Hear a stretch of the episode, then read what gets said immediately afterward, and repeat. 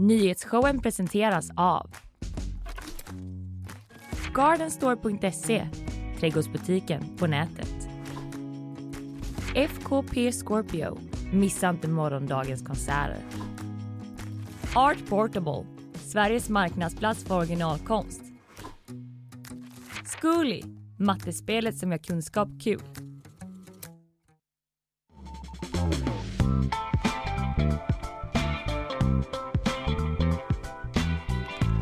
Det är nyhetsshowen som eh, mot alla odds får jag säga sänder ut ännu en sändning. Alltså är det väl inte riktigt, men eh, det är ändå Ibland mycket som ska så klaffa. på morgonen faktiskt. Mycket ska klaffa. Det är teknik, det är gäster, det är förberedelser och så vidare. Eh, men nu sitter vi här som vanligt igen och det kan ni vila tryggt i. Sju på morgonen är klockan. 31 augusti är det. Fannevik, god morgon. God morgon! Vad ska du snacka om idag? Jag ska prata om att det har skett flera explosioner i vårt land i natt. Ja, På flera ställen. Eh, mer om det alldeles strax. Och jag ska också prata om eh, ett lite s- ovanligt sätt att dölja eh, vapen på.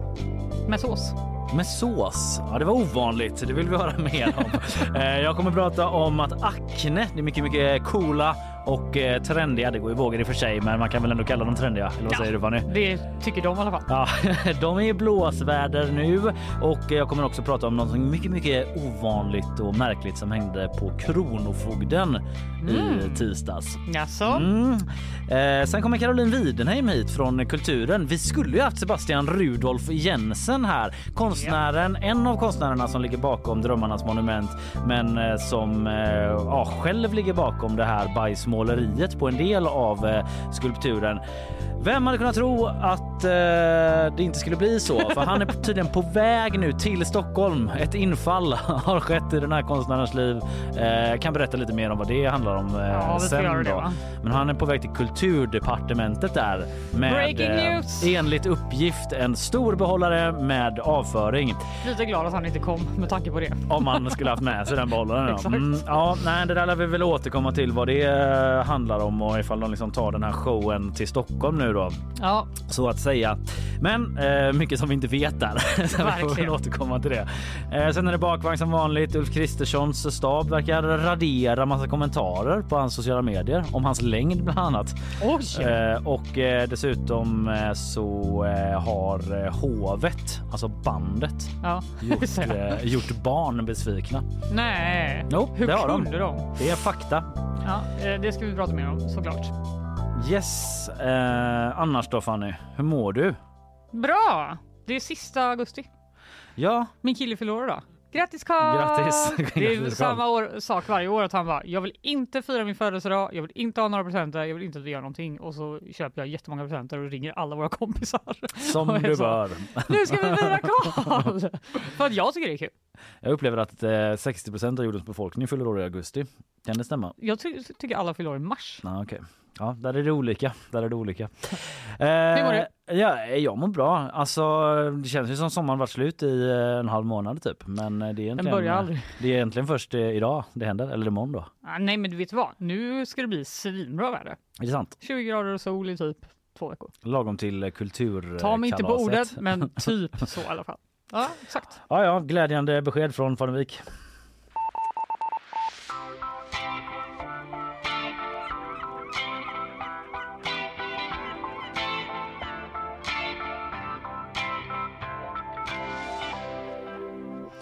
Ja, det har alltså skett flera explosioner under natten i vårt land. Två av dem här i Göteborg, men också i Nyköping och i Norsborg som ligger söder om Stockholm. Mm, jag var inne på Aftonbladet i morse. Mm, Där det- just nu tre stycken. Ja. Explosion, explosion, explosioner Exakt. låg på rad. Så eh, ser det inte alltid ut när Nej. man surfar in på morgonen. Det hajades till. Det hajades verkligen till. Men vi kan väl börja med vad vi vet om läget här i Göteborg då va? Mm. SOS larmades 01.04 i natt eh, om en explosion i Olskroken. Och sen bara tio minuter senare så kom det andra larmet om en explosion i Kortedala. Mm. Det är detonationer som har skett vid flerfamiljshus men utan några uppgifter om personskador säger Fredrik Svedemyr, polisens presstalesperson i väst till oss på GP. Mm, så någon bild där på vår sajt med någon eh, entré som såg lite... Exakt, en liten avspärrning där. Mm. Eh, båda de här platserna har eh, spärrats av för tekniska undersökningar och nationella bombskyddet har varit på plats nu under natten då. Polisen knackar också dörr och hör vittnen och undersöker om det finns kameramaterial i de här det. områdena. Eh, och det här rubriceras då som allmänfarlig ödeläggelse. Och vår senaste uppdatering på g.se, då var ingen gripen eller misstänkt. Men Fredrik Svedmyr säger till oss på GP att eftersom destinationen har skett ganska nära i tid, får man ju säga, tio Mm. minuters mellanrum, så tittar vi naturligtvis på möjliga samband och också möjliga samband med tidigare destinationer som har skett i Göteborg. Gammalt hederligt polisarbete Det är väl pågår. så de jobbar va? Låter det som. Mm. Norsborg då, söder om Stockholm, där exploderade någonting i en bostad 02.11 i natt. Det ska ha orsakat splitterskador på fastigheten och eh, polisen säger till Aftonbladet att de först utredde om det hade varit en skottlossning. Mhm. Det fanns hål i eh, något fönster och vissa inringare talade om flera smällar. Men nu har vi landat i att det- det har inträffat en detonation och att hålen i fastigheten har orsakat av splitter. Det finns en liten grop i marken där laddningen har placerats. Detta säger då Mikael Pettersson, befäl vid polisens ledningscentral till Aftonbladet. Ja, det där läste jag. Alltså, när man läser om sådana här saker så är det ju ibland vissa detaljer som stannar kvar och så. Men just att det liksom, vad det verkar då, sprängts något sorts hål ner i marken. Exakt.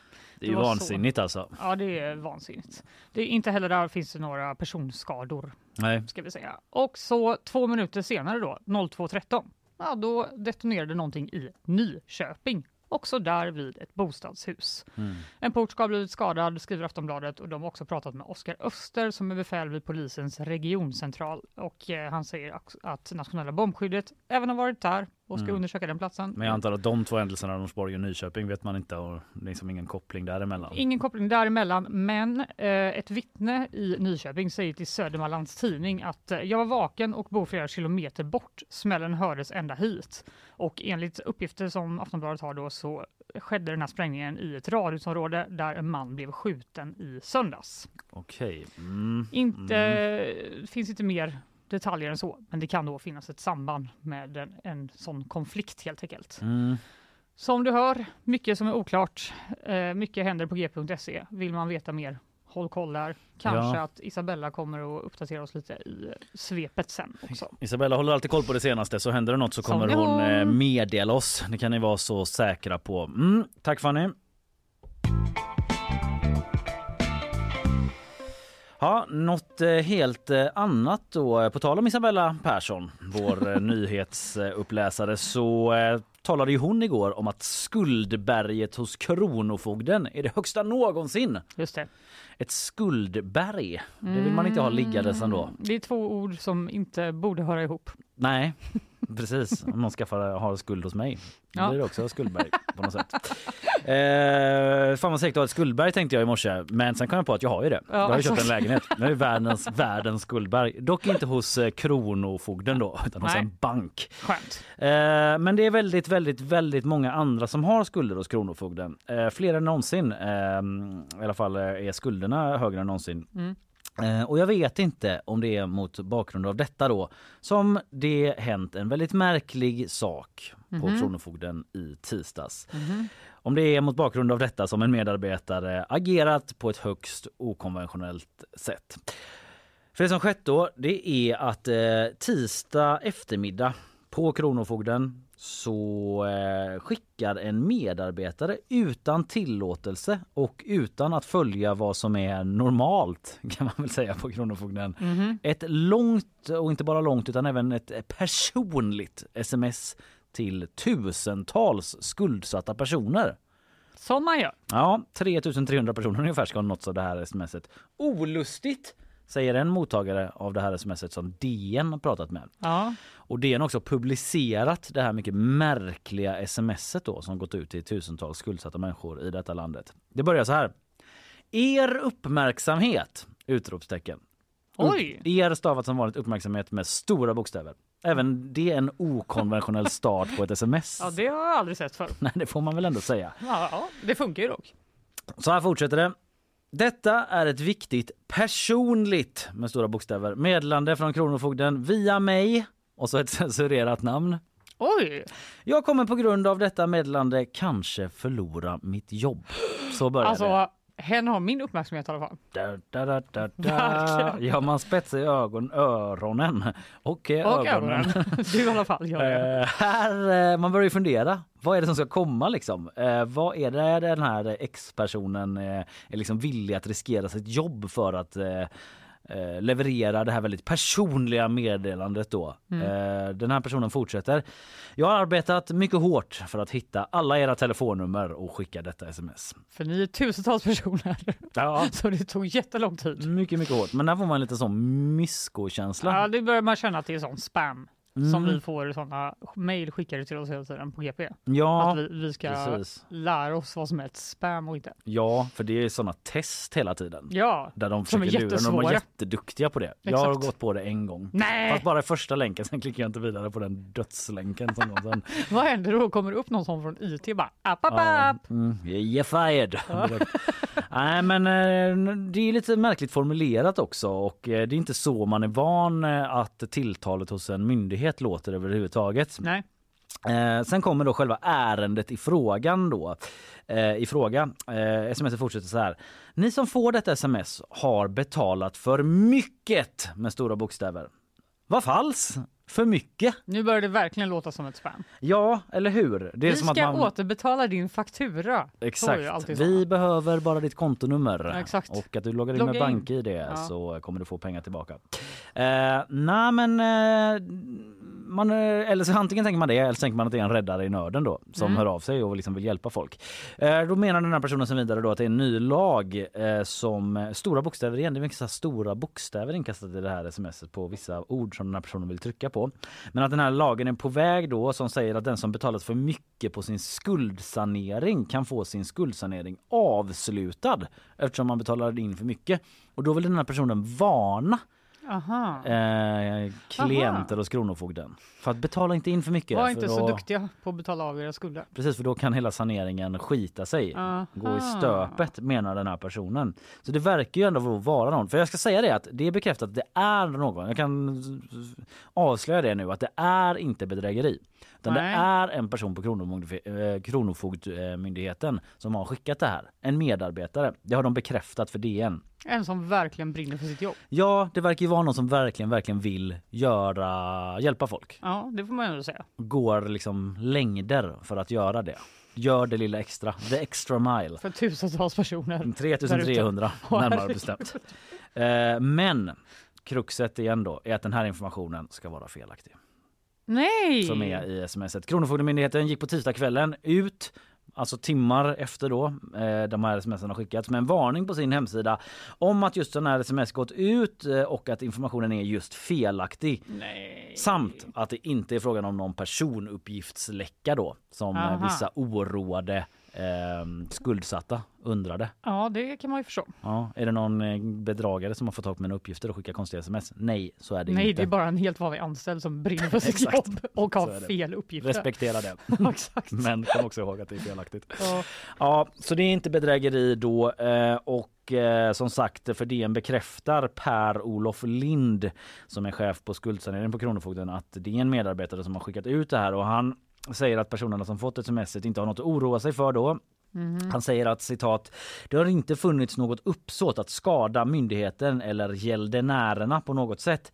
Sen är budskapet felaktigt och det, felaktigt och det är komplicerat och mystiskt, säger han ändå då. Mystiskt. Ja, men det är ju ändå ganska mystiskt formulerat tycker jag. Ja, jo, det är det väl. Ja, jo, Eller, absolut. jag, jag använde uttrycket mysko tidigare, Mm, vilket är någon variant på mystiskt antar jag. det känns eh, mer rätt. Ja, det är mer mysko än mystiskt. Ja, Eh, personen ska inte ha skickat ut något via de här tjänsterna utan att det har eh, Ja, nej, personen ska inte skicka ut något via den här liksom, sms-tjänsten utan att man har bekräftat det via liksom, gängse rutiner, så här, säger Per-Olof Lind. Men detta har skett ändå och nu utreder man internt, säger Per-Olof Lind, eh, hela den här händelsen.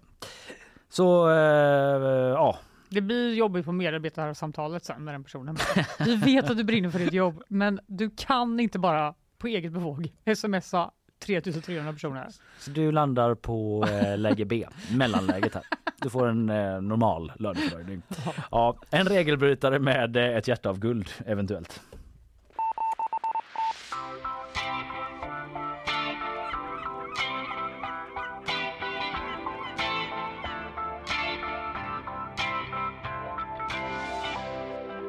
Snart blir det sås och pistoler och eh, akne i blåsväder. Men först sponsorer. Nyhetsshowen presenteras av Gardenstore.se, trädgårdsbutiken på nätet. FKP Scorpio, missa inte morgondagens konserter. Art Portable, Sveriges marknadsplats för originalkonst. Zcooly, mattespelet som gör kunskap kul.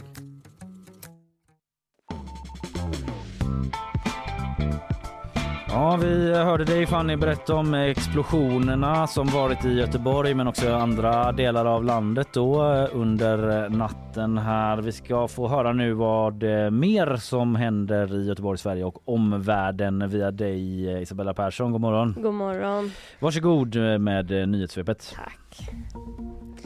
Två explosioner har i natt inträffat här i Göteborg. Första detonationen skedde i ett flerfamiljshus i Olskroken och bara tio minuter senare smällde det i Kortedala. Också där i ett bostadshus. Polisen utreder möjliga samband kring händelserna som rubriceras som allmän farlig ödeläggelse. Det har också inträffat flera explosioner i landet i natt. Vid tvåtiden inträffade en explosion vid ett bostadshus i Norsborg och bara minuter senare inträffade en detonation i Nyköping. Nu under morgonen har polisen också stängt av E45 söder om Trollhättan efter att man hittat ett misstänkt farligt föremål i en bil. Det var när polisen stoppade bilen för kontroll som man anträffade föremålet och fyra personer som färdades i bilen har nu gripits misstänkta för förberedelse till allmän farlig ödeläggelse. Två människor har dött efter att stormen Idalia dragit in över Florida och dödssiffran väntas stiga. Omni rapporterar att vindstyrkan på vissa platser uppmätts till 60 sekundmeter och vattennivåerna ska på vissa ställen höjts med nästan 5 meter. Närmare 500 000 personer ska också vara utan ström nu när stormen fortsätter driva in över landet. En majoritet av svenska väljare vill förbjuda koranbränningar. Det visar en ny undersökning som DN gjort tillsammans med Ipsos. Enligt de nya siffrorna vill 53 procent att det ska vara förbjudet att bränna religiösa skrifter medan 37 procent anser att det borde tillåtas. Mest för ett förbud är de som röstar på Socialdemokraterna medan SDs väljare är mest mot ett förbud. Ja, det var en eh, jäkla bombmorgon eller vad man ska kalla det. Ja. Ehm, misstänkta för allmänfarlig ödeläggelse där alltså på 45an. Ja, de fyra personer greps. Eh, hela vägen är avstängd nu. Eh, Ja, vi ska ja. jag tillägga också att det har varit stopp i trafiken där då. Ja, eftersom det man har måste upprättat ju- avspärrningar. Det är ju extremt många pendlare Som på åker den 45an. ja. Och eh, man utreder också nu eh, koppling, om det finns någon koppling till explosionerna i Göteborg. Just det. Du lär återkomma Det om det kommer nya uppgifter. Vi går vidare.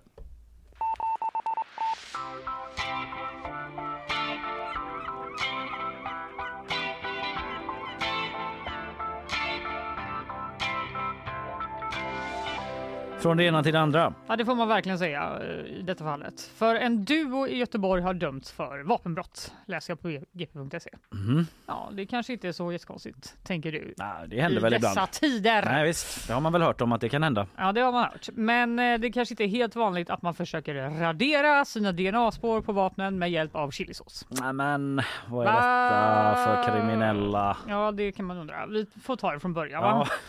Polisen hade varit på jakt efter en 20-årig man i en och en halv månad. De hittade honom helt plötsligt i en lägenhet i Partille i juni. Mm. De knackade, bankade och ropade som vargen som letar efter rödluvan. Mm. De svarade inte. Det var ingen som ville öppna. Eller vargen som letar efter grisarna va? Det är väl mer den som så huffar och puffar och så va? Inte för att liksom Inte för att peta i dem- onödiga detaljer och så. Nej, men nu gjorde du det, Nu Kalle. gjorde jag det. Jag Eh, oavsett kollade vi in. De fick till slut fram en nyckel, gick in i lägenheten och där fann de den här eftersökte 20-åringen och också en annan eh, snubbe, en 22-åring som låg i en säng. Mhm. Poliserna fick känslan av att här var det något fuffens på gång va? Är Ja. det så att de försöker dölja någonting? Mm. Ja, jo, ja. Under en soffkudde hittar man lite kontanter i en garderob, lite cannabis och sen såg man att det låg en hög med kläder intryckt under soffan. ja. Citat. Kläderna är nedsölade med någon form av mat. När jag börjar dra försiktigt i klädhögen så känner jag att det ligger ett metalliskt föremål i klädhögen. Jag lyfter på ett av plaggen och ser en pistol. Detta berättar då polisen som var på plats. Okej. Man hittar också då ett magasin med sex patroner, skarp ammunition. Mhm. Ha, okej. På golvet framför soffan så ligger då en flaska med srirachasås. Den pop- mycket populära srirachasåsen. Mm. Mm. Det framgår inte om det the original, den som är nästan omöjlig att få tag i nu. För Just att det det, är det typ är en brist. e-ämnen och eh, brist på jalapenos eller något. Jag vet inte, där den görs. ja. Men någon form av sån chilisås är det och det visar sig snart då att det är den här såsen som har kletats på vapnet. Såsen har inte börjat torka än. Så det uppstår ganska snart då misstanke om att de har hällt på det samtidigt som polisen har frustat och pustat Ah. där utanför. I någon sorts panik. I någon slags panik. Eh, det finns ingen annan rimlig förklaring än att de trodde att det gick att ta bort DNA-spår med srirachasåsen, säger kammaråklagare James von van Ries när åtalet väcktes. Nej, det finns ingen annan rimlig förklaring Jag skrattar än den han- jätteorimliga förklaringen. Skrattat att han heter Ris också. Mm. När vi Ja, så. Rais heter han. Right. Men Ja, Okej, så de liksom, eh, vad fan ska vi göra, vad fan ska vi göra Ja. liksom? Ska vi ta mjölk, ketchup, potatismos? vad händer med Ta typ den här ta starka. en handduk och torka av den? Ja, eller hur? Spola den med vatten. Jag antar att det inte funkar riktigt så, eller? Nej, jag vet inte, men det här verkar ju tyvärr inte heller ha funkat då, för att tyvärr hittar man 20-åringens DNA på flera ställen på pistolen och eh, Mm. även på såsflaskan då. Ja men just det, då blir det ju den Typiskt. grejen också. Ja, Ja. exakt. Så jag hälla sås på såsflaskan och så blir det en, eh, Ja, de en bara, evighetsmaskin. en evighetsmaskin och eh, under svår tidspress som vi vet Mm. eftersom de stod utanför dörren då. Han måste, de måste ju ha suttit och käkat när det här hände. Ja, eh, de förklarar ju sig såklart. Ja, de gör det. De- säger för det första då att de, De, vill är typ så här. Hej hörni, hörni. Det här ser säkert lite konstigt ut. Låt oss förklara. Ja, eh, förklaringen är så här. Vapnet, det känner vi inte till. Nej, Det vill vi inte kännas vid överhuvudtaget. Eh, 22-åringen säger i förhör, jag kan förstå varför den var inlindad i en t-shirt, men inte varför den var indränkt i sriracha. nej. Nej, det kan man ju inte förstå. konstigt. Men eh, varför? Ja. Ja, man undrar tyvärr- också varför eh, han förstår att den är inlindad i en t-shirt då. Nej, jag vet inte. Det borde också vara helt obegripligt om de inte har, känner till vapnet alls. Liksom. Exakt. Tyvärr hittade man då bilder på honom i hans telefon där han poserar med olika vapen iklädd Ah. handskar och en undersökning visar att ett av de vapnen var just det vapnet som Okej. låg under soffan. All right. Eh, bilderna påstår mannen dock att han har tagit hos en bekant. Jag tyckte det var lite spännande och tog lite bilder men nu i efterhand så tycker jag att det var töntigt. ja, det är lätt att, det är lätt när man ser bild på sig själv att man kan känna sig lite töntig när man Jag känner mig så cool. filmar, men nu- filma mig när jag gör det här då. Filma mig. Och sen bara, fan också. Jag ska göra en flykick. Så ser det inte så jävla coolt ut som man bara- tänkte. Nej, han tyckte det var töntigt. Det är väl ändå agreed Mm. att det låter ganska Mm, töntigt. mm. Eh, Men såsen då? Förklarar han det Ja, med? 20-åringen. Ja. Han påstår att han var bara där för att festa lite i den här lägenheten. Jag använde srirachasåsen när jag åt nudlar på festen. It's a party. Det har väl hänt. A noodle party. Exakt, men han kan tyvärr inte förklara eh, varför DNA, hans DNA finns på pistolen. Eh, tröjan som vapnet låg i är dock hans. Eh, om jag skulle kladda sås på en tröja så skulle jag inte ta min egen. Säger han. Nej. Men det är väl inte så att man alltid byter om till någon annans tröja varje gång man äter sås? Om du är Bara på fest, om du är på fest och ska käka lite nudlar va? Just det. Du, kan jag låna din tröja? jag vill inte få sriracha på. Vad gör du i min garderob? Nej men jag ska käka nudlar. Ja, ja, ja, ja. Ta vilken du Jag vill. förstår. Inte den kashmir där bara. Men ta vad du vill. Svårt att få bort de här. Ja. I alla fall, tingsrätten känner att eh, de här förklaringarna eh, söker. de säger så här, vi tror, vi tror inte att de här männen kan ha missat att polisen ville in i lägenheten och med tanke på att de knackade då och bankade och ropade och eh, under tiden de gjorde det under tiden det tog för patrullen att ta sig in så kan det ha skett mycket inne i lägenheten. Mm, mm. Det kan det ju ha gjort. Det verkar ha gjort det. Det verkar ha gjort det. De två männen dömdes nu för grovt vapenbrott.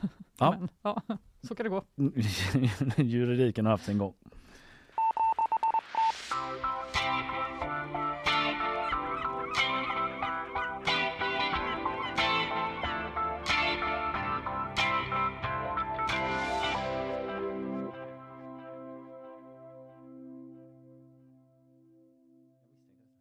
Eh, Acne, ett klädföretag. Ja, Modejätte, om man så vill. eh, Ja. Det känns som att eh, det, jag vet inte, det känns lite ute.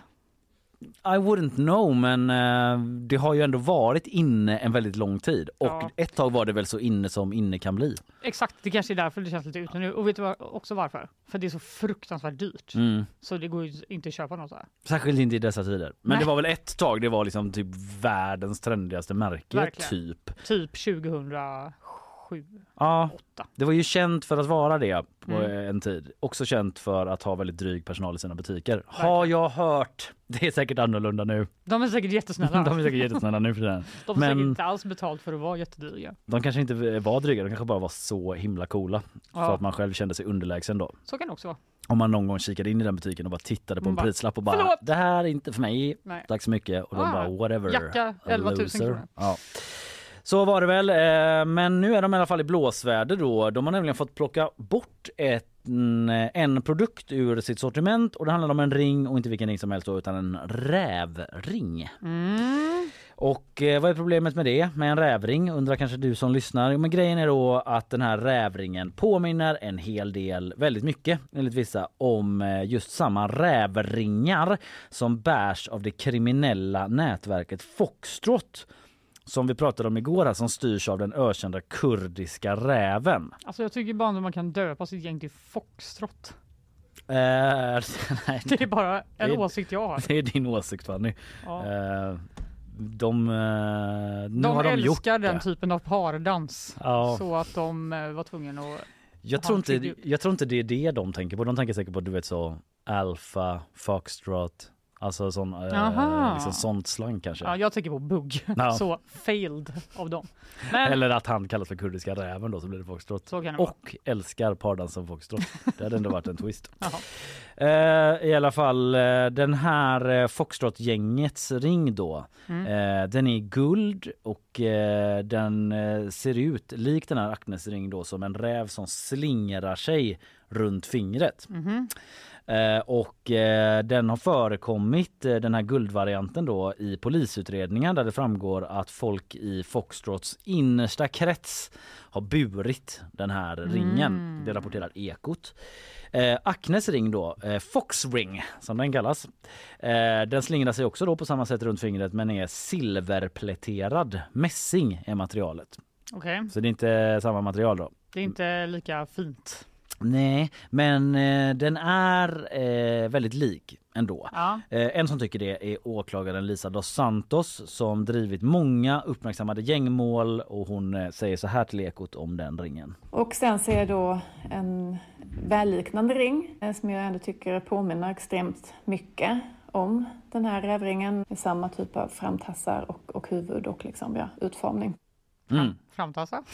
Samma typ av Ja, för den är liksom på väg över så. Ja. Tassarna. Precis, den ser lite ut som att den ska bita sig själv i svansen där på något sätt. Mm. Om jag minns rätt. Eh, hon är väldigt frågande till att Acne säljer den här produkten. För mig är det uppenbart vad den här rävringen står för och då kan jag tycka att det är osmakligt och faktiskt helt obegripligt varför man som en väletablerad eh, och trendig modedesigner tycker att det här är en ring man ska kränga till folk. Jag tycker att det här är någonting som eh, förstärker gängens image och eh, bidrar till en glorifiering och en normalisering av gängtillhörighet. Mm. Glorifiering och normalisering. Jag fattar inte riktigt. Menar hon typ att alla som köper den då skulle vara så här? Vill jag vara med i det gänget? Jag vet Känns inte. bara- Nej, det menar de väl kanske inte, men som att man ehm, ja, men att man inspireras av deras eh, liksom stil och kultur då, att det skulle vara någon sorts Ja, att de, glorifiering är- av att dem på eh, så vis. designern har gjort det. Ja, jag antar att det är något sånt de menar. Eh, Ekot har i alla fall försökt liksom gräva vidare detta och pratat med flera modevetare som också reagerar på det. En är till exempel då Emma Severinsson som är lektor i modevetenskap vid Lunds universitet. Hon säger så här. det kan inte alltid vara en slump att de här symbolerna eller de här plaggen kommer ut på marknaden. Det borde finnas sätt att stoppa det hos modehusen. Ja, hon menar väl att eh, om man tolkar den att det inte är helt ovanligt då att man inspireras Mhm. av eh, kriminella miljöer och sådär. De menar alltså att det här var med uppsåt. Ah, Jag vet inte om det säger hon ju inte rakt ut men Nej, det finns ju en antydan som till att det. de menar att de har sett inspirerats på något Mm. sätt. Helt enkelt. Ja, men jag har fått för mig, och nu är det jag som är ute och liksom gissar lite grann, men att det är väl inte helt ovanligt att modehus inspireras av gängkultur Nej. och sådär liksom gatukultur från liksom folk i eh, Alltså kanske typ så fattigare förortsområden som absolut inte behöver vara kriminella men liksom hela det här Parismodet med liksom eh, de här becknarväskorna kommer väl från liksom eh, den typen av liksom Ja. utsatta miljöer typ i Paris förorter. Med det sagt så behöver inte de vara kriminella för det men liksom att man, Nej, vad, att man liksom hämtar inspiration. Mm. Kanske från du vet, människor som kanske inte typ har råd att köpa alla de dyraste kläderna utan själva måste vara lite kreativa. Mm, så tappar man in på inte deras... kan gå in på Acne Exakt. och betala 10 000 för en ring. Så går man liksom och tappar in på deras kreativitet typ. Aha. Ja, alltså jag har inte jättemycket. Jag är ingen modevetare, ska gudarna veta. eh, men det är en liten eh, En spaning teori. från dig. En spaning från mig. Ja. Ja, och eh, det är i alla fall så eh, liksom att eh, gängkultur präglas av vissa modehus. Det kan man väl konstatera. Typ Gucci Japp. eh, är ju liksom inne eh, bland eh, eh, kriminella faktiskt. Ja, det kan vi om. ändå eh, kosta på oss. Inte bara kriminella men eh, en hel Också del kriminella kriminella. har en del Gucci. Ja. Eh, och eh, Acne då, de har inte velat vara med på någon intervju med Ekot utan mejlar istället som företag gör ibland och säger att alla likheter mellan deras ring och Foxtrot-ringen är eh, ren slump.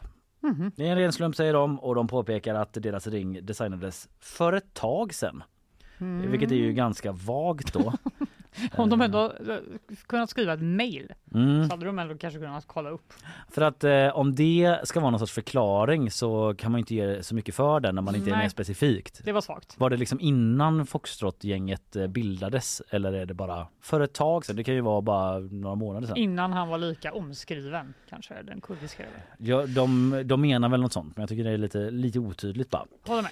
De är i alla fall eh, tacksamma, mycket tacksamma för att Ekot uppmärksammat dem på det här så de har kunnat ta bort det ur eh, sortimentet. Det går alltså inte att köpa den längre. Inga Fox rings på Acne. Aha. Däremot eh, pistolattrappor och... nej jag ska bara. Nej, kan man köpa de vanliga dyra jackorna sådär antar jag. Jaha, men jag bara, det är svårt att dra gränsen här kan man ju känna. Vad, vad man inte får sälja längre då. Men eh, det är Ja, någon slags symbol för just honom då antar jag. Ja alltså nu, extra. nu verkar det ju vara väldigt kopplat till ett specifikt gäng Ja. som har liksom eh, väldigt mycket jobbat med den här rävestetiken tydligen så då är det väl lite lättare att pinpointa. Ja, men det är svårt väl... att säga, ingen får ha en magväska. Nej det kan man ju gärna inte göra men eh, det blir ju bedömning. Det blir ju från fall till fall. Ja, Får jag anta. Faktiskt.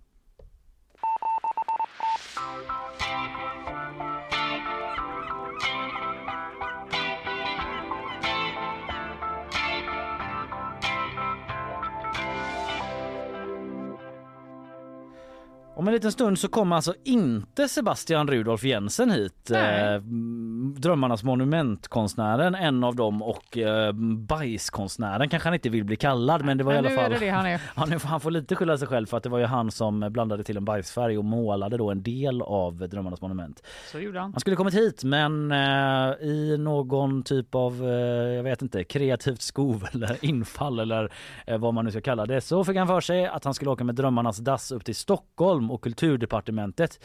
Jag talade med honom tidigare i morse när detta uppdagades eh, att han inte kommer hit alltså. Eh, utan han är på väg dit då med en jättetank med avföring och det här dasset. Eh, jag frågade honom vad eh, han tänker göra där uppe eh, med det. Eh, det var lite otydligt, eller han höll väl lite på det, men att de ska ju placera ut det här utanför kulturdepartementet, så förstod jag det. Eh, Det blir det liksom drömmarnas dass eh, del två där då? Ja, och drömmarnas kiss och bajs kallar han det för också, han tar han med sig. Så eh, det verkar, det verkar så, men jag kan inte ta gift på det. Vi får se vad som händer. Ja. Istället för Sebastian så kommer vår trogne medarbetare och vän här Caroline Widenheim. Hon har ju skrivit ett långt reportage ja. om Drömmarnas monument och hela den här sommaren som varit. Där de pratat med många inblandade liksom experter, konstvetare och liksom what have you. Mm. Eh, För att försöka liksom sätta det här i kontext då. Vad är det vi har sett den här sommaren och vad får det eventuellt för följder kanske sådär. Mm. Så Karo kommer om en liten stund. Först eh, lyssnar vi på sponsorerna. Nyhetsshowen presenteras av Gardenstore.se, trädgårdsbutiken på nätet. FKP Scorpio, missa inte morgondagens konserter. Art Portable, Sveriges marknadsplats för originalkonst. Zcooly, mattespelet som gör kunskap kul. Så där ja, nyhetsshowen eh, live från GP-huset sista augusti. Klockan är strax över halv åtta och eh, ja, som sagt, vi skulle egentligen haft eh, Sebastian Rudolf Jensen här i programmet, en av konstnärerna bakom Drömmarnas monument. Då. Men han är på väg med en rejäl tunna avföring till kulturdepartementet uppe i Stockholm och det här Drömmarnas dass då som han kallar det. Vi lär väl få återkomma till hur det går med det projektet. Mm. Eh, det, det är Stockholms tur nu. Ja, det verkar onekligen så. Eh, istället då så eh, har vi eh, fått besök av eh, vår gode vän från kulturen som rycker ut när vi strax innan sändning får reda på att det blir inställt här. Delvis via dig Karo då som uppmärksammade oss på att Sebastian Rudolf Jensen via Instagram meddelat att han är på väg mot Stockholm. Men Caroline, välkommen hit. Tack så mycket. Du är så djupt nere i det här nu. Du bara, det första du gör på morgonen är att du går in på Sebastian Rudolf Jensens Instagram var är han? Var är drömmarnas monument? Ungefär så. Eh, så ja, shoutout till mina barn som väcker mig tidigt så att jag kan eh, komma mm. hit. Stor shoutout. Tack ska ni ha.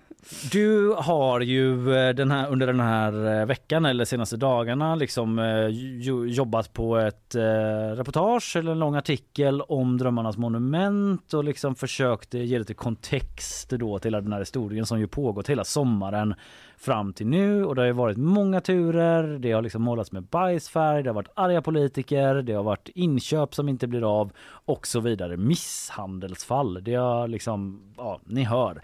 Eh, men eh, det, du var ju där när man monterade ner det här konstverket slutligen då i veckan. Ja, jag var där en sväng i måndags när ja. de hade påbörjat nedmonteringen. Det var ju de här tre dagarna nu, måndag, tisdag, onsdag eh, som de hade på sig för att då dog tillståndet slut helt enkelt. Ja, för man hade ju ett tillstånd ändå då. Ja, mm. precis. Det, det fanns ju ett tillstånd ut, för att ja. de var en del av en, eh, en utställning på konsthallen. Just det. Eh, och då sökte de tillstånd hos eh, stadsmiljöförvaltningen och polisen och allting var liksom mm. Det glömmer man nästan, men de hade ju ändå tillstånd att vara där liksom. Precis, ja det, alltså det ser ju ut som en ren gerillaaktion men det var väldigt sanktionerat av liksom en av de stora kulturinstitutionerna i Göteborg. Mm. Mm. Hur var det med konstnärerna då när du var där? Var de liksom medietrötta? Det var lite slitet. för de har bott där mer eller mindre nästan? Eller hur skulle ja, du beskriva alltså, det? I, I, verkligen inte alla. Nej. Uh, jag tror att uh, Sebastian Rudolf Jensen nog har kanske varit där mest. Uh, möjligtvis uh, August Kron Andersson som också pratade med. Ehm, men andra har, liksom, de har kommit och gått. Det har varit residenskonstnärer som har varit där och liksom jobbat en vecka och sen kanske liksom, kommit tillbaka, gjort något verk, hängt på någon poesiläsning eller så. Mm. Kommit och byggt lite, men det har varit väldigt flytande, mm. vad jag uppfattar det som. Jag pratade med eh, Emelie Sterner till exempel, då, som har ingått i den här arbetsgruppen. Hon är också eh, konstnär? En av också dem. konstnär, ja, mm. hon är liksom performancekonstnär vanligtvis. Och eh, hon pratar om det som, men hon har varit där mer som på, som på arbetstid, liksom, i arbetsdagar. Så hon har kommit dit, jobbat. Stämplat in. Liksom. Gått hem. Ja men precis, det har varit hennes jobb i sommar. Mm.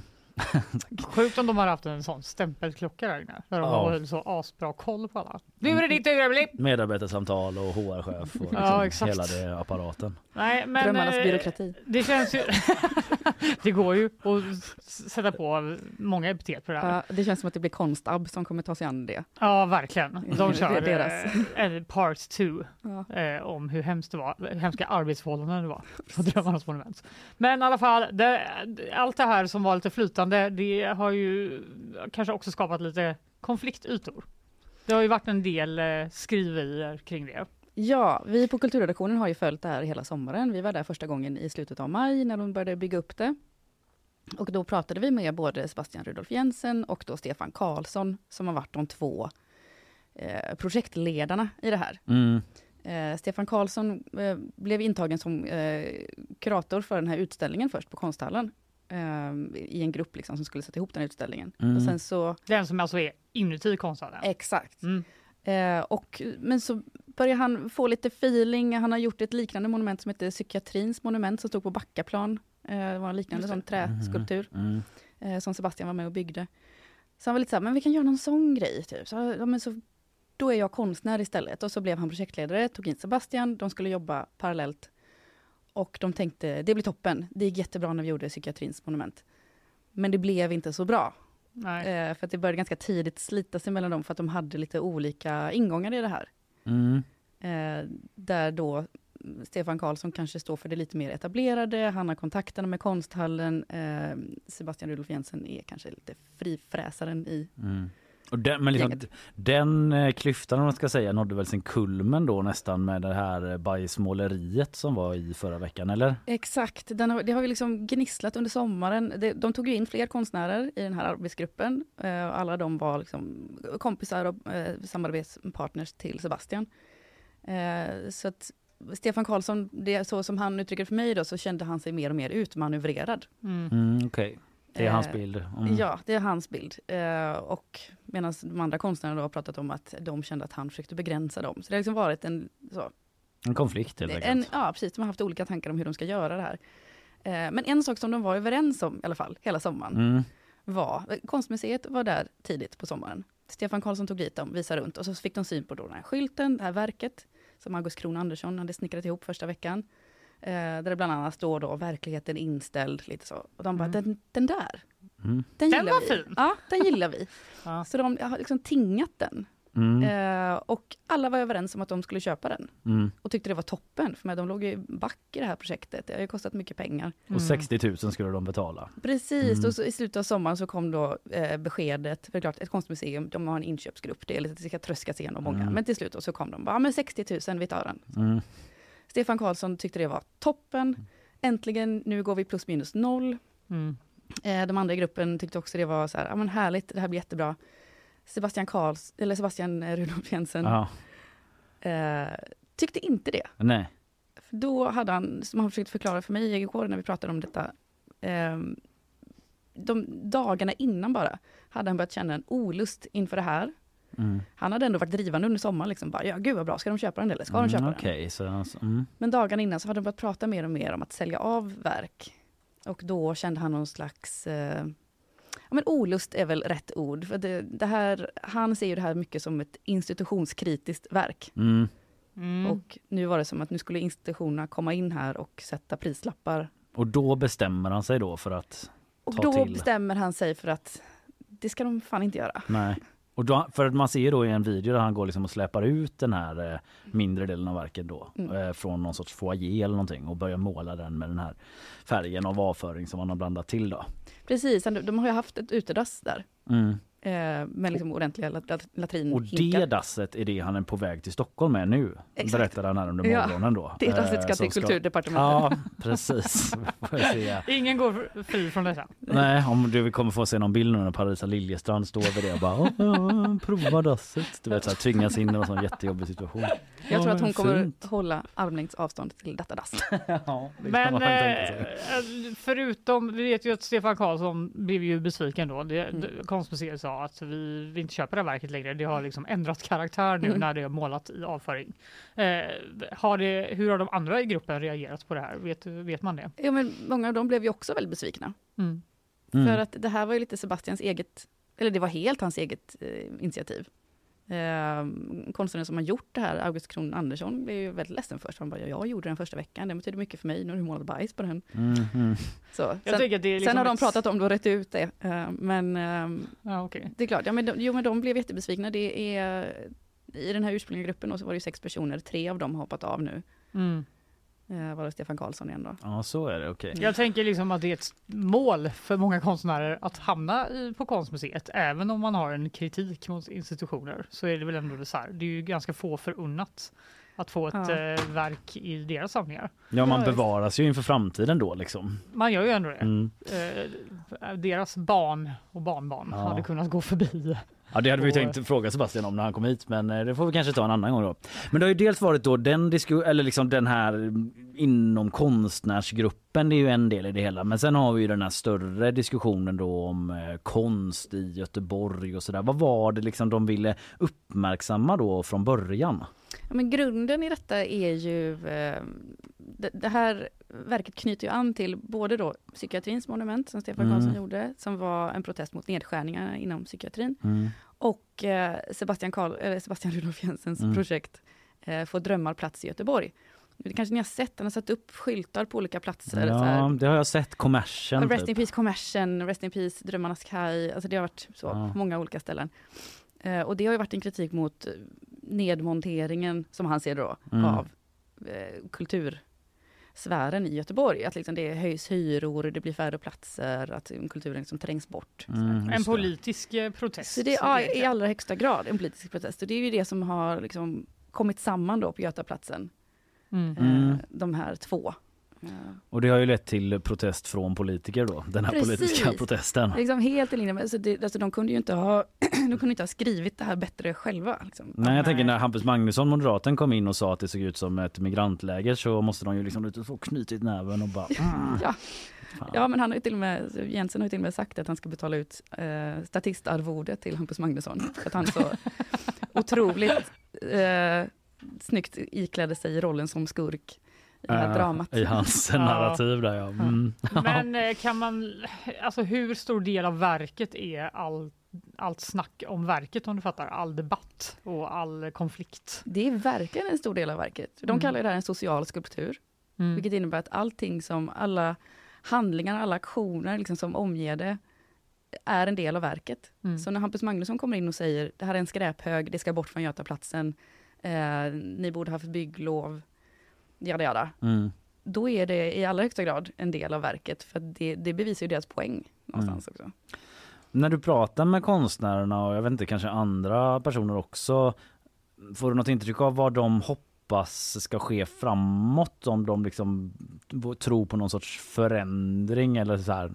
De de kommer inte bygga upp kommersen igen eh, i stan får man ju anta. Eller förstår du vad jag menar? Typ så här, vad hoppas de ska hända? Nej, men jag fick lite uppfattningen om att de ändå känner att de har visat på ett alternativ Mm.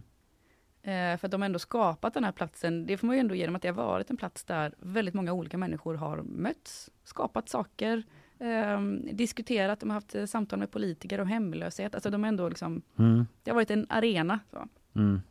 Eh, de har verkligen satt ljus på den här principen om armlängds avstånd, Mm. som ju har gällt i Sverige under lång tid, liksom att eh, politiker inte ska lägga sig i vad konstnärerna gör. Man ska liksom erbjuda en, en, en struktur att vara i, men man ska inte lägga sig i innehållet. Eh, det. och det var ju det Hampus Magnusson gjorde här när han gick in och började recensera verket och säga att det var fult och säga att det var dålig Mm. konst. Där. Det är ju ändå en eh, ja, liksom het debatt om det. Det är ju fler politiker än Hampus Magnusson som är inne liksom och har åsikter om eh, specifika verk och så. Det Precis. ligger lite i tiden. Ja men verkligen, jag har ju pratat med konsthallen med och de känner ju igen detta. De har ju sett det på flera olika håll att politiker kommer in och Mm. petar. Men jag, tycker, jag pratade med eh, Petra Johansson som är konstnärlig ledare på konsthallen. Hon sa ändå något intressant där om att det här var ändå ett tillfälligt verk. Mm. Eh, och vi har massa olika tillfälliga händelser i gaturummet i Göteborg. Göteborgsvarvet är ett sånt. Mm. Ja, Så ja. här. Mm. Och hon tyckte då att, ja, men varför ska konsten inte få vara en del av de här tillfälliga sakerna som händer i Göteborg? Varför ska konsten liksom vara Just det. fråntas det privilegiet? Liksom? Just det, att man alltid tänker att det är typ att någon har satt upp en skulptur som ska stå jättelänge. Att det behöver inte vara så. Precis, det här var en händelse. Ja, Det, var, det stod där i tre månader eh, för att uppmärksamma vissa frågor, för att eh, men visa på så här kan man göra med Götaplatsen mm. Det Eh, kanske är just det här med bajset som liksom skiljer det åt. Kanske vissa tycker menar jag. ja Men, det kan eh, Har du sett alla bajamajor som står runt Göteborgsvarvet? Ja, det är ju sant, säg sant. Det sker väl en annan olycka så att säga bland löparna också. Exakt, när det man inte liksom vill eh, förstöra sitt personbästa. Exakt. Bara för att det är lite tjorvigt i kistan. Nej, Om det- man säger. Egentligen är det samma sak faktiskt. Exakt samma sak. Men nu idag är sista dagen helt enkelt. Nu ligger det någon liten träplanka kvar kanske. Men eh, snart är det hela borta. Ja, jag har inte varit där och tittat, men idag ska det vara borta. Ja, Mm. Det, tillståndet gick till igår. Så att idag skulle allting vara borta. Så det är därför Sebastian Jensen nu har kört runt med olika delar av det här verket. Till Dalsland, nu till Stockholm. Mm. Och det var några som köpte privatpersoner som köpte också eh, själva bajsmålerimonumentet. Det står i en ganska flådig trädgård i Lorensberg. Eh, avslutningsvis då, eh, hur tror du och kanske folk vi pratat med, du, du pratat med att man kommer minnas den här sommaren med Drömmarnas monument? Jag tror... Kommer det vara något som man minns eh, och, d- dessutom? Alltså det, det känns ju så nu, men det kan ju Mm. vara så att om fem år så bara, va? Mm. vet man Det är inte. svårt att säga.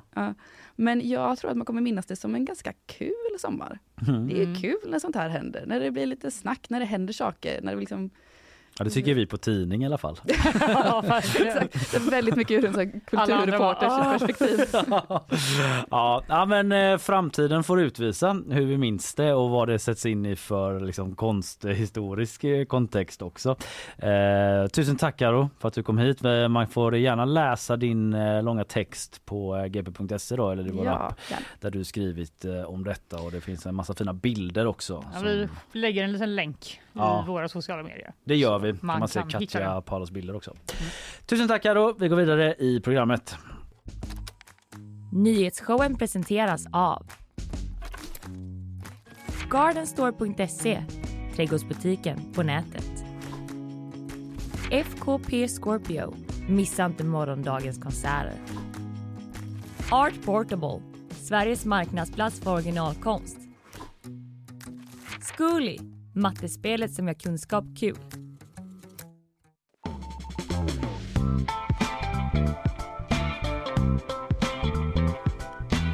Ja, vi eh, ska få eh, lite uppdateringar från eh, Isabella.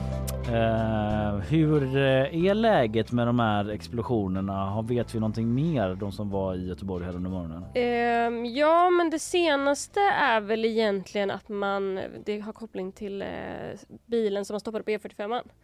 Okej. är ju att man utreder eh, koppling mellan de här två.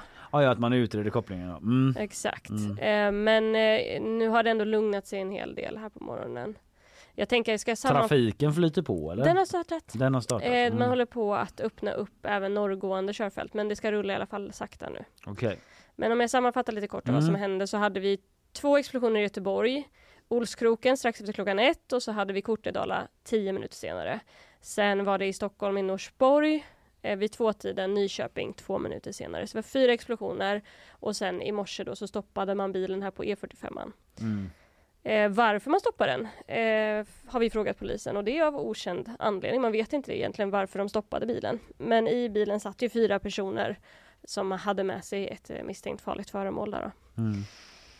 Just det, och, men de här eh, Stockholm och Nyköping, ja det verkar ju vara liksom Frist- fristående ja, händelser då också vad man vet. Man utreder- slumpartad morgon. Ja, man utredde koppling mellan eh, E45, eh, det misstänkta föremålet och explosionerna i Göteborg. Då. Mm, mm. Sen vill jag tillägga också, det var ju en explosion i Trollhättan i tisdags också. Mm. utanför en villa i Sjuntorp och det var ju i eh, närheten i Sjuntorpsrondellen där man gjorde stoppet på den här bilen. Så, man Jaha, ut- den här 45 bilen. Exakt. Aha. så Sjuntorp är ett område som ligger utanför Trollhättan och där exploderade alltså en bomb i tisdags. Så polisen Okej. utreder även koppling till den händelsen. Mm. Man vet inte om det kan ha kopplingar men Nej, man det är ju en eh, märklig en- slump eh, annars. Ja, Mm. så det har varit eh, Nationella bombskyddet har haft mycket att göra ja. i Ja, natt kan det man, kan man lugnt säga. Ja. Nu verkar de ha lämnat på de flesta platser här men det är fortfarande avspärrningar. ja, får se vad de eh, kommer fram till polisen där då. Mm. Är det något mer idag som du håller koll på eller? Vi håller koll på stormen som det numera är, som är, har passerat över Florida. Mm. Eh, det, den, orkan var det ju från början då, så det var ju upp till 60 sekundmeter. Nu rör den här stormen sig som nu har nedgraderats till tropisk storm Okej. eh, vidare över landet. Men folk har evakuerats där i Ja, Florida, vi jätte, jättestora evakueringar, eh, väldigt mycket vatten, väldigt mycket vind. Mm. Så att, vi får se vad som händer där. Ja, det och mycket annat läser ni om idag på gp.se och i GPs app. Tack Isabella! Tack!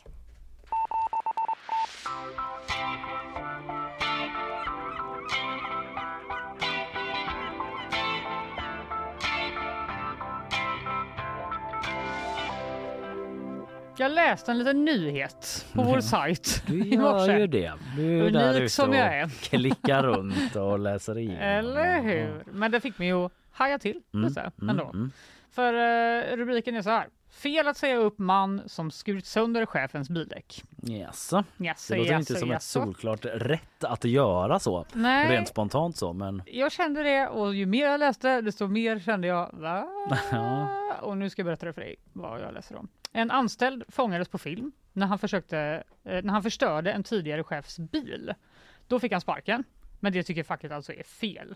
Skadegörelsen på bilen hade inte med jobbet att göra. Alltså. Nej, eh, det verkar vara då en anställd på ett större försäkringsbolag som eh, har gjort detta och det kommer bli en fråga för Arbetsdomstolen nu. Detta skriver tidningen Arbetet från början. Och de berättar att då den anställde och hans tidigare chef, de har hamnat i en konflikt vid en omorganisation. Det kan ju vara känsligt. Ja, det låter väl som det har med jobbet att göra spontant. Eller men hur? eh, okej. Den anställde ska ha tackat nej till att bli utköpt Mm. i omorganisationen och efter det känt sig trakasserad av chefen. Mhm. Chefen slutade på försäkringsbolaget och började eh, upptäcka eh, lite senare att någon höll på att skruva ur skruvar i däcken på hans bil. Oj. Och någon hade också, När han har slutat? alltså, efter att han har slutat. mm. Eh, och någon hade också flera gånger lagt spik och skruvat på marken i carporten hemma hos den här tidigare chefen och även klippt av laddsladden till elbilen. Ja, okej. Mm. Någon var där och joxade Ja. hemma hos den här personen helt enkelt. Ex-chefen installerade då en övervakningskamera som fångade en misstänkt gärningsman. Mm, det var ju då den tidigare medarbetaren som eh, ja. Inte ville bli utköpt. Robban. Vad fan håller du på med? Jo, det han höll på med var att han klippte av laddsladden en gång till Ja, okej. efter att den här kameran då hade monterats och skar sönder bilens däck med en kniv. Mm. Eh, chefen polisanmälde det. Försäkringsbolaget avskedade mannen som nu också erkänt tre fall av skadegörelse. Men fackförbundet kräver nu att avskedandet ska ogiltigförklaras eftersom det enligt dem handlar om en ringa brottslighet Mhm. som inte har samband med arbetet eftersom brottsoffret, när brottet begicks, inte jobbade kvar på försäkringsbolaget. Det är inte helt lätt att få sparken i Sverige. Alltid. Nej, det verkar ju helt omöjligt. Brotten har inte heller skadat arbetsgivaren hänvisar man till och den anställde utgör inte heller någon säkerhetsrisk. Eh, Well. Mot andra på företaget då. Ja, Ja. just nu Alltså, kanske inte den gör det. Men jag tänker också att om man skär sönder någons däck och typ skruvar ut skruvarna Mm. ur däcket så kan väl ändå en människa skadas. Vad kul att du är kvar på firman. Nej, men alltså, Vad jag, tryggt det känns för oss andra anställda ja, att ha det här. precis. Nej, du kan ta den. Du kan ta den gaffen. Man vill inte hamna i bråk med den här personen. Typ. Omorganisation. Nej, du får vara kvar där du är. Man fattar ju att det finns eh, arbetsrättsliga mm, aspekter av det hela. Eh, Absolut. uppenbarligen liksom. Men eh, Absolut. för lekmannen låter det ändå lite märkligt.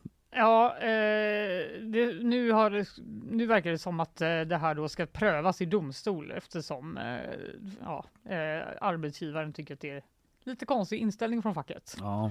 Eh, med ett sådant synsätt så skulle en chef så fort denna slutar sin anställning i ett företag bli ett lovligt byte för alla underanställda. Ja, fast Inte jag menar, riktigt. då kanske det är en annan grej. Då får väl polisen liksom sköta det och liksom att det blir en sån grej. Om Ja, jag bara ska liksom vrida och vända lite på det. ja exakt. Jag vet inte, det kanske blir... Om du får eh, sparken för det. Det kanske blir en, eh, eh, vad heter det? Vad heter det när man dömer? Fan! Prejudikat. Ja, ja. ja, ja, det var det jag ville säga. Återstår att se.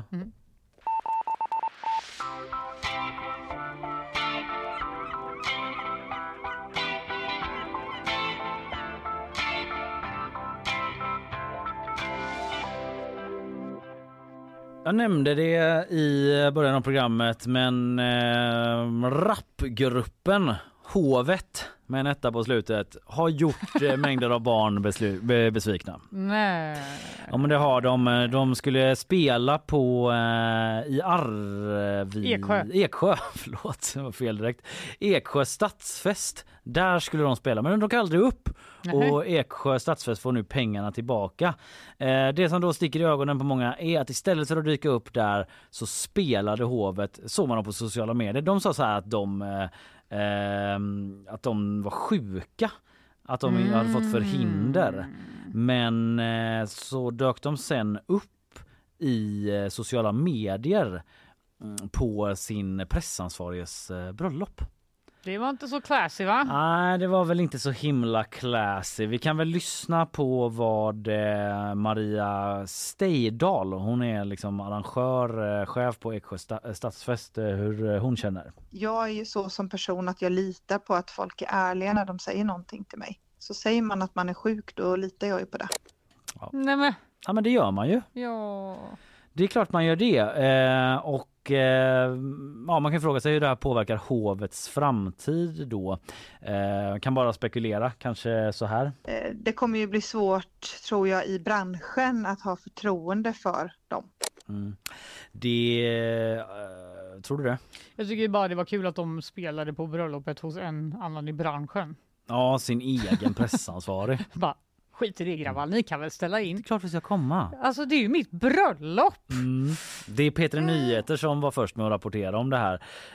Eh, och eh, grejen är också då att den här Eksjö stadsfest heter det väl. Eh, det är en tillställning där barn är välkomna. Och eh, hovet eh, har många barn bland sina fans uppenbarligen. Eh, och de brukar inte kunna gå på hovet eh, alltid liksom. För det är åldersgräns och sådär. De spelar på ställen eh, där de inte får gå.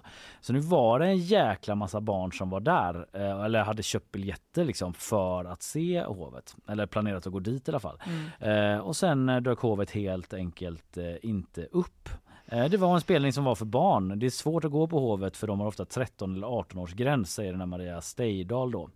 Eh, och eh, hon säger just det att det är svårt att ha förtroende för dem. Aftonbladet har pratat med Andreas eh, och hans dotter Isabelle som är 16 då som körde i tre timmar för att se gruppen på den här festivalen under lördagskvällen. Det var helgen detta.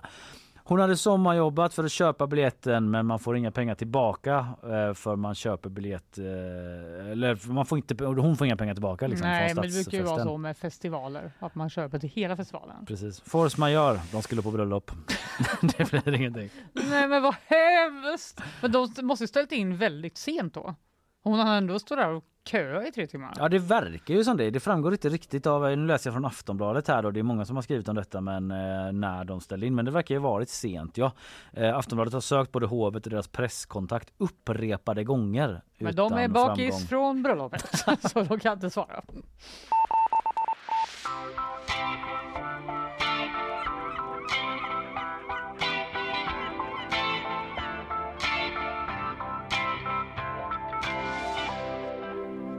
Alltså ska vi prata lite mer om bajskonst? Vi får väl göra det.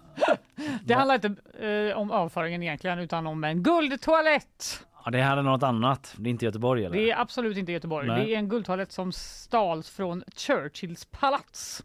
Jaha. Eh, den är gjord i 18 karats guld. Det är ganska... Den är Vad flådigt. Det Ja. hade ju inte Ulf Kristersson kommit undan med va? Nej, Att ha en såna extravaganser. exakt. Det Ta verkar... drömmarnas dass istället. För att vara som en av Kanske folket. dit han är på väg. Ja. Det här är bra för din image Ulf, att sitta på det här dasset. Inte ha någon sån fancy, eh, fancy toalett Nästa valrörelse. som britterna. Ja. Sitter de där allihop. Slåss de om att få Sebastian Rudolf Jensen komma, komma till dem med dasset? Nej, men det var länge sedan den eh, stals, den här toaletten. 2019 närmare bestämt. Från då Winston Churchills barndomshem i Oxfordshire. Och den här stölden då orsakade en stor förstörelse i det här slottet. Eh, eh, VVS-skador eller? Ja, Vatten. men, ja, på riktigt.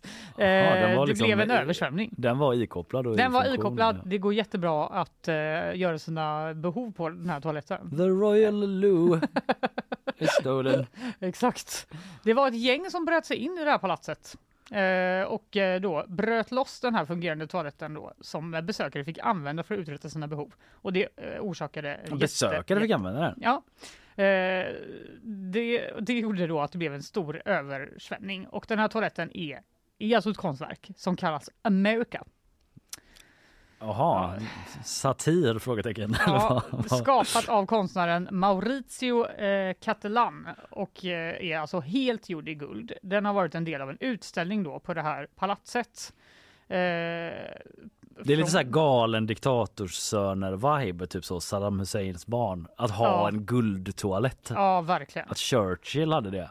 Han kanske fick den då, men ändå. Nej, men det verkar som att från början, alltså den, de flyttade dit den till den här utställningen på Mm. det här slottet som är ett av de mest kända i England. Eh, och så sa de typ så här, ja, de kanske vill sno den, men det kommer ju vara svårt. Mm. För det är en jättestor toalett och den väger jättemycket. Mm. Och sen klipp till då. Ja. Ja. Man Det ska uppmuntrade, om. Mm. ja exakt, man uppmuntrade tydligen besökarna att använda den. Mm. till det man ska använda en toalett till. I have a shite. Men man fick eh, bara vara där inne i tre minuter Okej. för att det inte skulle bli för långt Ja, ja. tydligen. Eh, Fast eh, ni får gärna använda den. Eh, bajsa inte för eh, ni har bara tre minuter på er. Exakt. Eh, och eh, då sen stals den då. Eh, polisen kunde inte hitta den. Den är spårlöst försvunnen. Mm. Än idag är den spårlöst försvunnen. Men efter fyra års utredning så har nu polisen lagt fram då en utredning till åklagare som ska ta beslut om om man ska åtala eller inte. Eh, det verkar som att de helt enkelt tror att den har smälts ner. Ja, det, Det- kan man väl tänka sig. Det kan man ju tänka sig. Eh, Det är någon först, vanlig rånare i någon gammal kvart. Liksom. Ja, som bara- ursäkta, sitter de och kissar på den här toaletten värd miljoner? Ja, Vad är det för strunt? misstänkt. Eller hur? Eh, och den visades tydligen i New York från början eh, när Donald Trumps medarbetare i Vita huset eh, hörde av sig och frågade om eh, han kunde få eh, en van Gogh-målning. Så erbjöd de istället den här toaletten tydligen. Men den hamnar i England istället. Många som vill ha en golden toilet. Vänta nu, vad sa du nu? Att Trumps medarbetare var så här, hej kan vi få den? Nej, de sa hej kan vi få en målning av van Aha, Gogh? ah. Och då sa de nej men ni kan få den här gyllene toaletten. De bara nej tack. Den heter America. Och det är en toalett, ja. That's right. Klart ingen munnen. Ja. Konst va? Ja. Vilken grej.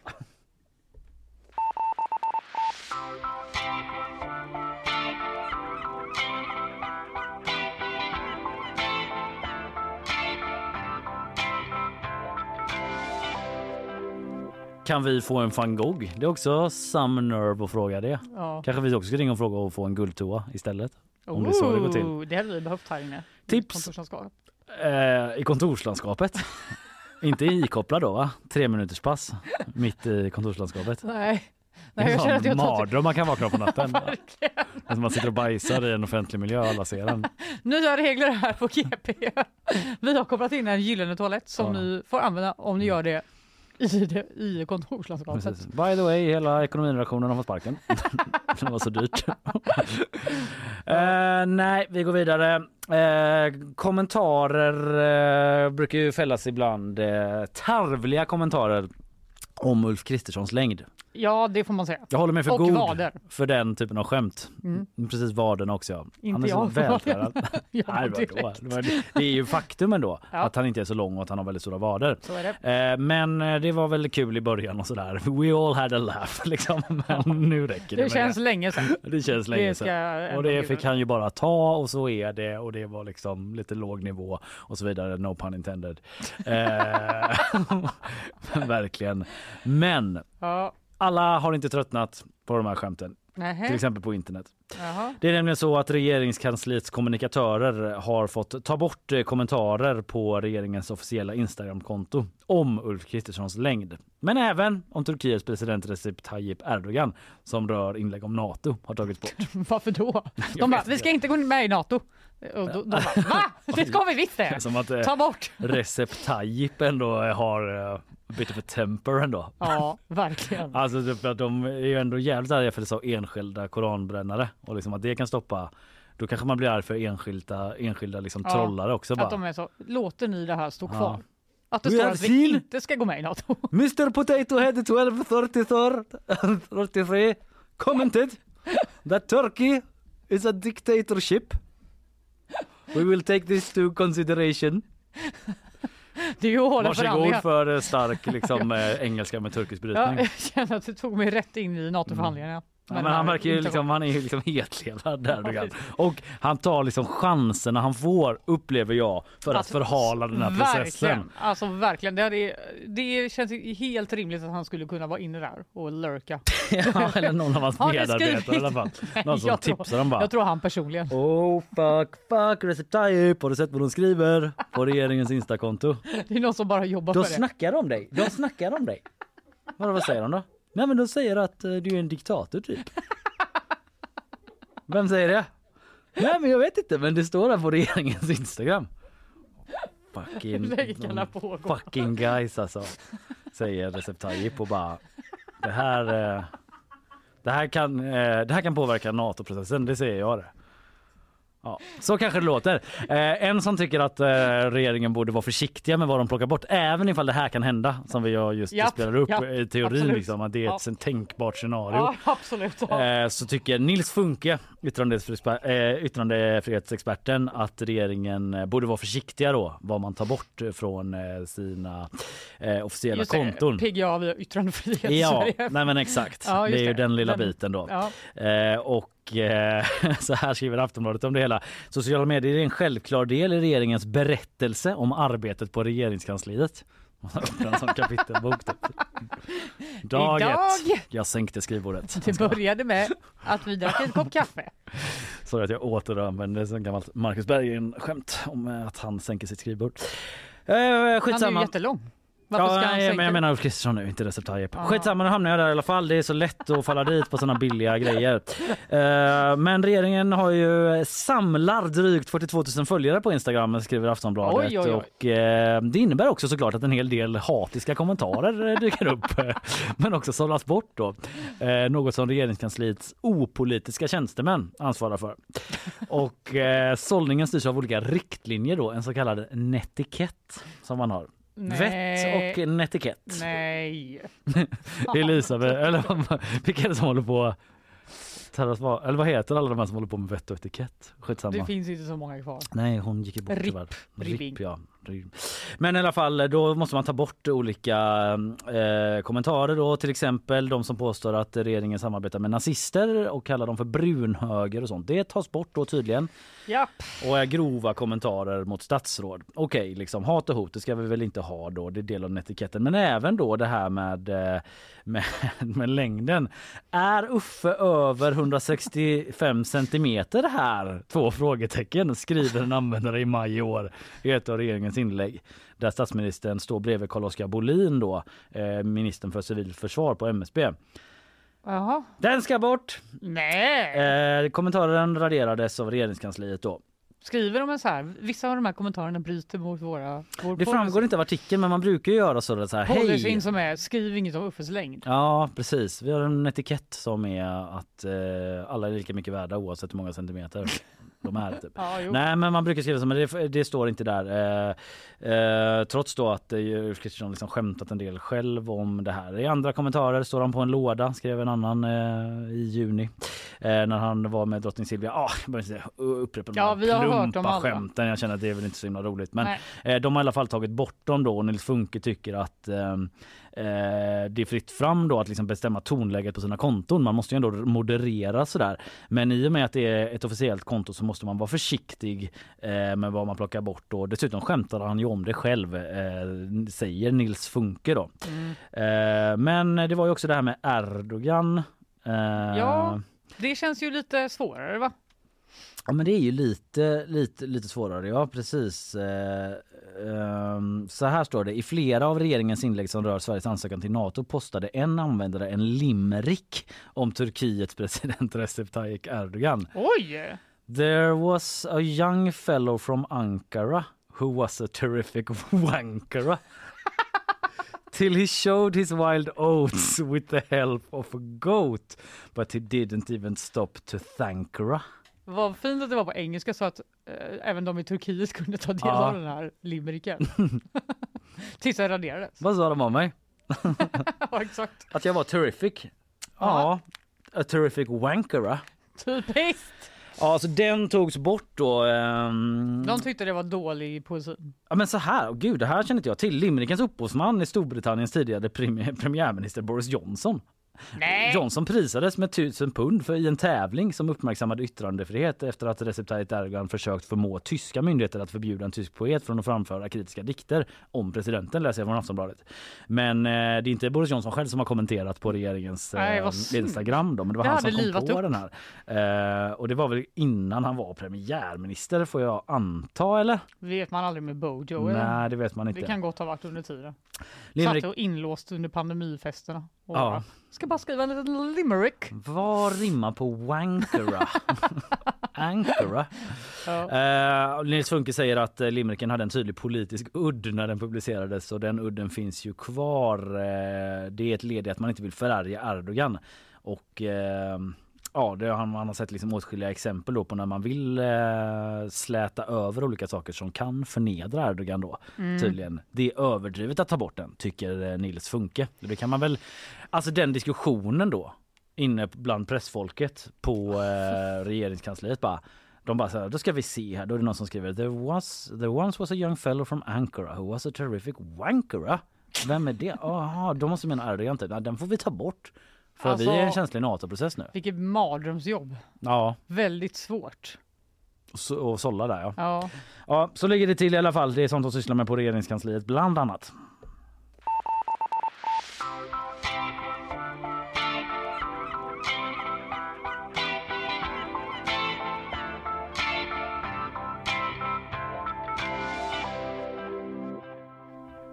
Nu ska vi prata om kokain! Okej.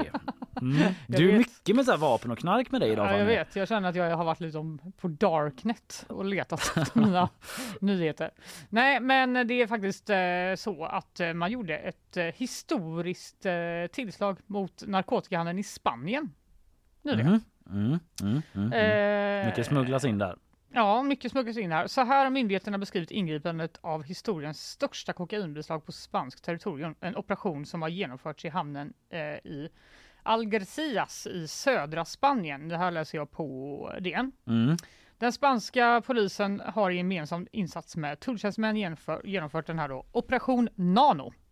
Operation Nano. Ja, I mitten av juli eh, när man fick kännedom om en internationell kriminell organisation då, som skulle försöka smuggla in kokain i landet. Och i förra veckan så hittade man då i kylbehållare från Ecuador allt det här kokainet.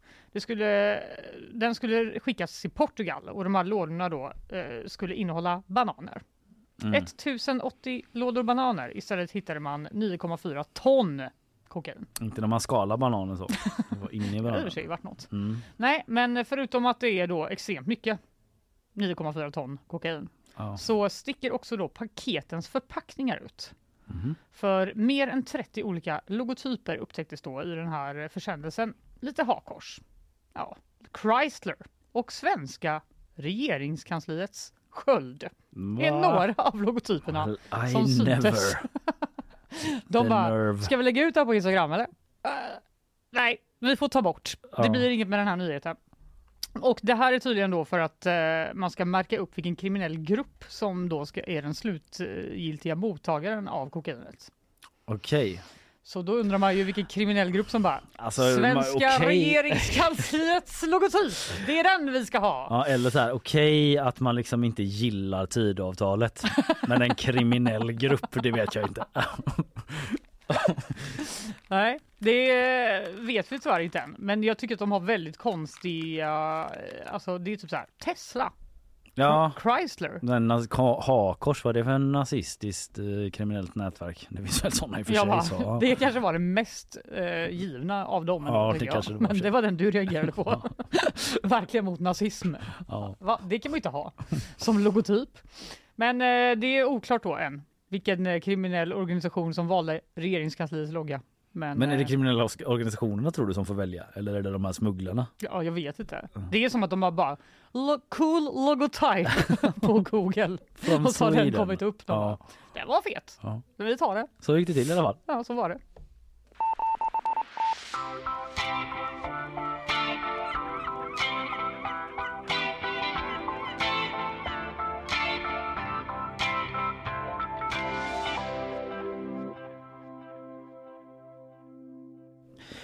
Fanny, nu är det dags. Djurens djurnyheter. Jag tror att jag vet det. Det blir djurnyheter. Djurens djurnyheter. Vad är det det heter? Just det, djurnyheter. Pappa. Ja! Fan vad gött. Det blir djurnyheter. Ja. En fruktad tigermygga är upptäckt i Sverige. Nej. Nu vill jag ha en till ljudeffekt som hade varit en... Da, da. Ja, det också. Den asiatiska tigermyggan har för första gången påträffats i Sverige, läser jag på gp.se. Äggen hittades i plantor! Wow, som turister fått med sig från Spanien. Blä. Och det här, det är den nordligaste fynden i världen. Det säger myggexperten Anders Lindström vid Statens veterinärmedicinska anstalt. Känns inte bra i magen va? Nej, jag ty- tycker det känns jättejobbigt. För, alltså, alla djur är så jobbiga nu. Getingarna är så jobbiga. Ja, Fy vad jobbiga de är. tell me about it. Ja, De är det- sådana slappa augustigetingar som bara, min tjej blev stucken bara förra veckan. Nej, Vilket traumatiserade hela familjen. att de Nu är alla livrädda hela tiden. Ja, Ni får hålla er inomhus. Don't get me Familjen Berg. started på getingar i augusti alltså. Nej, det I var alla tyvärr fall- det jag gjorde, men absolut. Eh, ja, men det var två turister då som eh, satte upp två plantor i vatten när de kom hem och då kläcktes ägg som blev till larver och mygg förklarar Anders Lindström som följt processen. Eh, Låter som en ganska straightforward process. ja, absolut. Ehm, Ja, det är så det går till när barn föds. det var de själva som såg det här när de hade stoppat plantan i en glaskruka säger han och då hamnade an- eh, ärendet hos SVA. Vad hade man Oj! gjort då om du såg massa myggägg som började Jag kläckas och hade slängt plantan i soptunnan och sen har jag gått vidare. Ja, Jag hade Flyttat inte ringt till dem. utomlands typ. Bränt fastigheten. Nej, det gjorde de inte utan de eh, hörde av sig till SVA då. Eh, och det är så att den kommer från den här tigermyggan som bara har upptäckts en bra bit upp i Tyskland tidigare som nordligaste punkt då. Den kan sprida virus som dengue, chikungun, förlåt nu tar jag det, chikungunya och zika. Dengue och zika känner man ju igen i alla fall. Mm. Eh, med det sagt så eh, den kan göra det den här arten då. Eh, och den har funnits i Europa sedan 79 då och är en sån invasiv, den mest invasiva myggarten av alla. Nej! Ja. Vem ska äta upp det? Fåglar? Just den här aktuella införda tigermyggan har dock oskadliggjorts och kommer inte sprida sig vidare i Sverige intygar eh, Lindström. Eh, Men han kan inte veta vad som är i alla krukväxter i hela Sverige. Nej. Jag känner att precis. jag blir orolig nu. Det är liksom för sent på året för att den skulle kunna sprida sig säger han. Det blir för kallt men hade det varit i maj hade den kanske kunnat bygga upp en population under sommaren med ägg som lyckas övervintra. Okej. Känns som vi kommer undan med blotta förskräckelsen här. Ja, verkligen. Eh, och eh, ja, men de sprids ofta via vägtransporter och eh, att de upptäcks i södra Sverige först då. Eh, när de anländer här. Eh, och eh, alltså den finns i södra Europa nu. Vad, eh, vilka problem ställer den till med där då undrar, eh, ställer man sig frågan i artikeln. Framförallt är det obehag. Man får myggor i städerna på ett sätt som man inte är van vid. Sen har man lokala utbrott av tropiska sjukdomar. Så den ställer till det. Säger han då. Jaha. Jag vet inte. Jag känner bara att nästa, nästa gång har vi inte så tur. Nej, lite så känns Det det. är slumpen som har gjort att Oh. vi klarade oss. Ja, men han är ju ändå ganska lätt att normalt sett så är det för kallt då. Men han säger ju ändå detta, när det bara kommit i maj så ja, då finns det liksom en risk att de hade kunnat sprida, sig. Den och... mest invasiva myggarten som finns. Ja, fan det känns inget bra alltså. Men eh, det var det vi hörde alltså. Djurens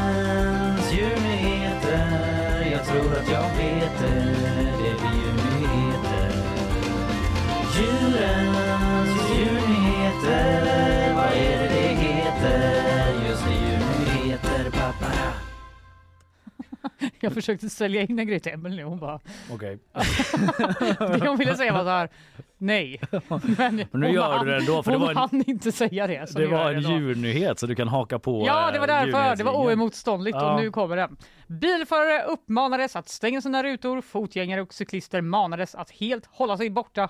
Polisens varningar vid en genomfartsled sydväst om Toronto kom efter att en lastbil tappat flera pallar med bikupor. Aj, och aj, runt aj. fem miljoner bin flög runt i området. På tal om getingar i augusti typ. ja, verkligen. Det här var igår morgon. Det var en syn, säger Ryan Anderson, den polis som var först på plats. Ja.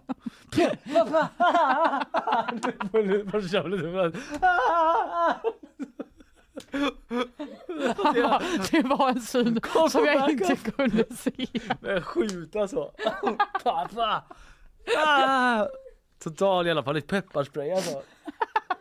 Jag tror jag har fått kanske 500 000 nu. Ja, de är oskadliggjorda. Men behöver Så tråkigt att vara enda polisen på plats. Det tog också en timme för dem att komma dit säger de och eh, det låg bikupor precis överallt och svärmar av bin flög omkring i luften. De första biodlarna som kom hit blev stuckna några gånger. Ja, det kan man väl tänka sig. Ja. Hur löste de det här då? Ja, det står bara så här. Två timmar senare hade de flesta bina samlats in och kuporna hämtats. Någon bara så, slår händerna sig. Sådär ja, vad var det? Har vi fixat det? Bra jobbat grabbar! Hur i Ännu en helvete? dag i livet som polis i Toronto. COPD typ. Men vadå, eh, det var biodlarna kanske hjälpte till? och Bara, fan. Ja, det var biodlare. Det Eh, vet, det är som när en polis eh, stoppar någon och tar deras fordon. Typ bara, stop right there, hand over the vehicle. Och nu stop right there, hand over your beekeeping equipment.